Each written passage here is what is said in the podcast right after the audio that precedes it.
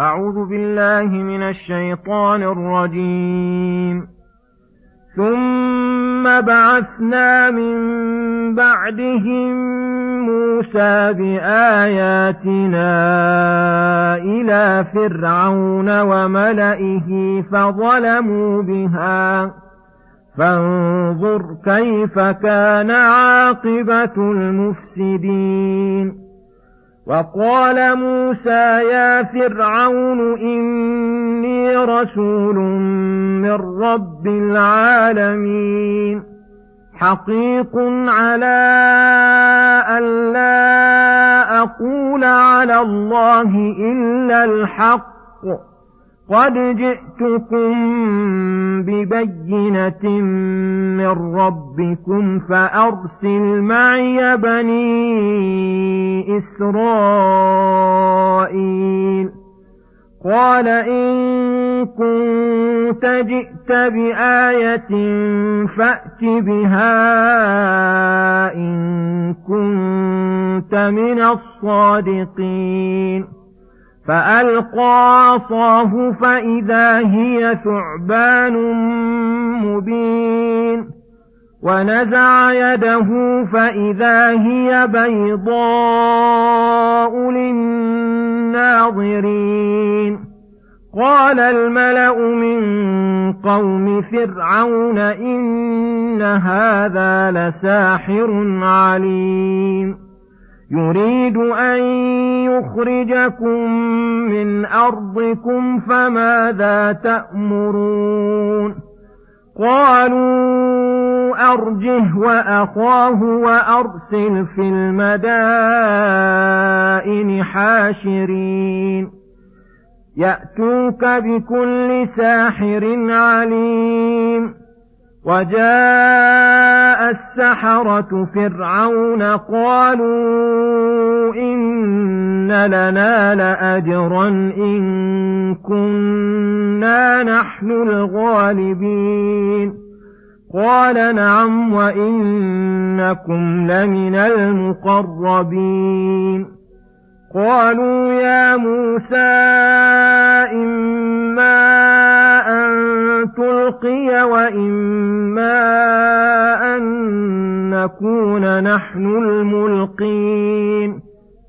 قال ألقوا فلما ألقوا سحروا أعين الناس واسترهبوهم وجاءوا بسحر عظيم. بسم الله الرحمن الرحيم.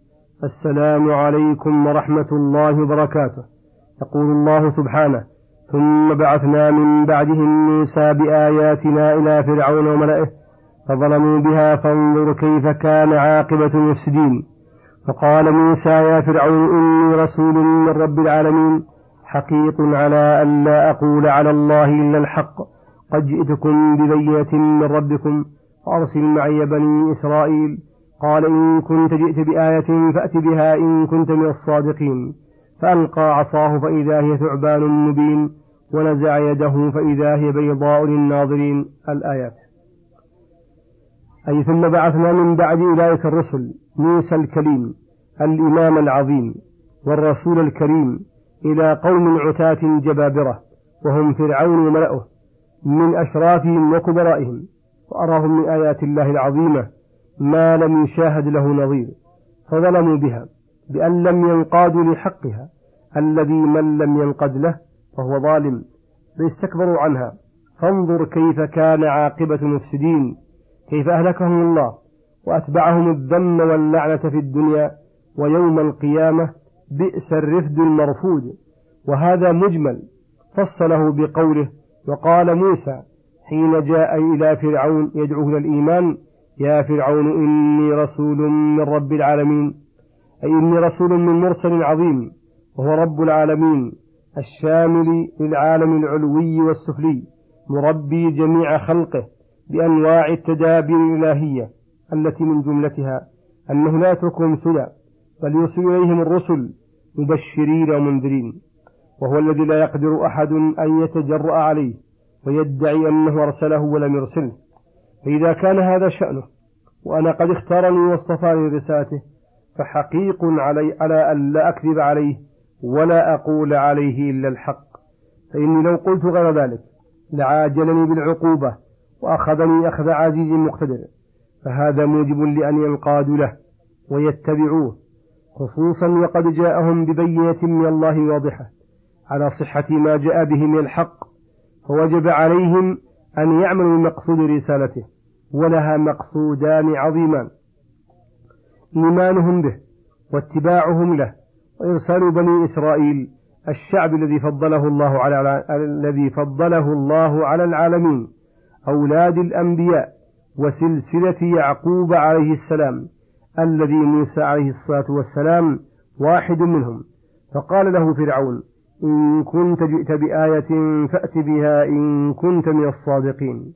فألقى عصاه في الأرض فإذا هي ثعبان مبين أي حية ظاهرة تسعى وهم يشاهدونها. ونزع يده من جيبه فإذا هي بيضاء للناظرين من غير سوء. فهاتان آيتان كبيرتان دالتان على صحة ما جاء به موسى وصدقه وأنه رسول رب العالمين. ولكن الذين لا يؤمنون لو جاءتهم كل آية لا يؤمنون حتى يروا العذاب الأليم. فلهذا قال الملأ من قوم فرعون حين ظهرهم ما رأوا من الآيات ولم يؤمنوا وطلبوا لها التأويلات الفاسدة إن هذا لساحر عليم أي ماهر في سحره ثم خوفوا ضعفاء الأحلام وسفهاء العقول بأنه يريد موسى بفعله هذا أن يخرجكم من أرضكم. أي يريد أن يجليكم عن أوطانكم فماذا تأمرون؟ أي إنهم تشاوروا فيما بينهم ما يفعلون بموسى وما يندفع به ضرره بزعمهم عنهم إنما جاء به إن لم يقابل بما يبطله ويدحضه إلا دخل في عقول أكثر الناس. فحينئذ انعقد رأيهم إلى أن قالوا لفرعون أرجه أخاه احبسهما وأمهلهما وابعث في المدائن أناسا يحشرون يحشرون أهل المملكة. وابعث في المدائن أناسا يحشرون أهل المملكة ويأتون بكل سحار عليم أي يجيئون بالسحرة المهرة ليقابلوا ما جاء به موسى. فقالوا يا موسى اجعل بيننا وبينك موعدا لا نخلفه نحن ولا أنت مكانا سوى. قال موعدكم يوم الزينة وأن يحشر الناس ضحى فتولى فرعون فجمع كيده ثم أتى. وقال هنا وجاء السحرة فرعون طالبين منه الجزاء إن غلبوا. قالوا إن لنا لأجرا إن كنا نحن غالبين فقال فرعون نعم لكم أجر وإنكم لمن المقربين. فوعدهم الأجر والتقريب وعلو المنزلة عنده ليجتهدوا ويبذلوا وسعهم وطاقتهم في مغالبة موسى.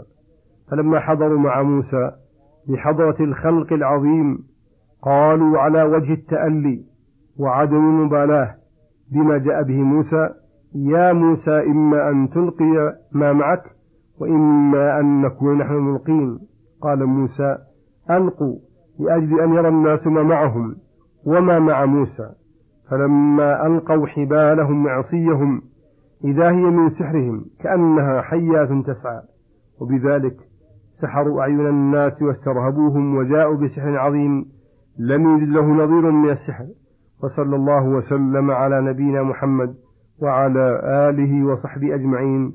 إلى الحلقة القادمة غدا إن شاء الله.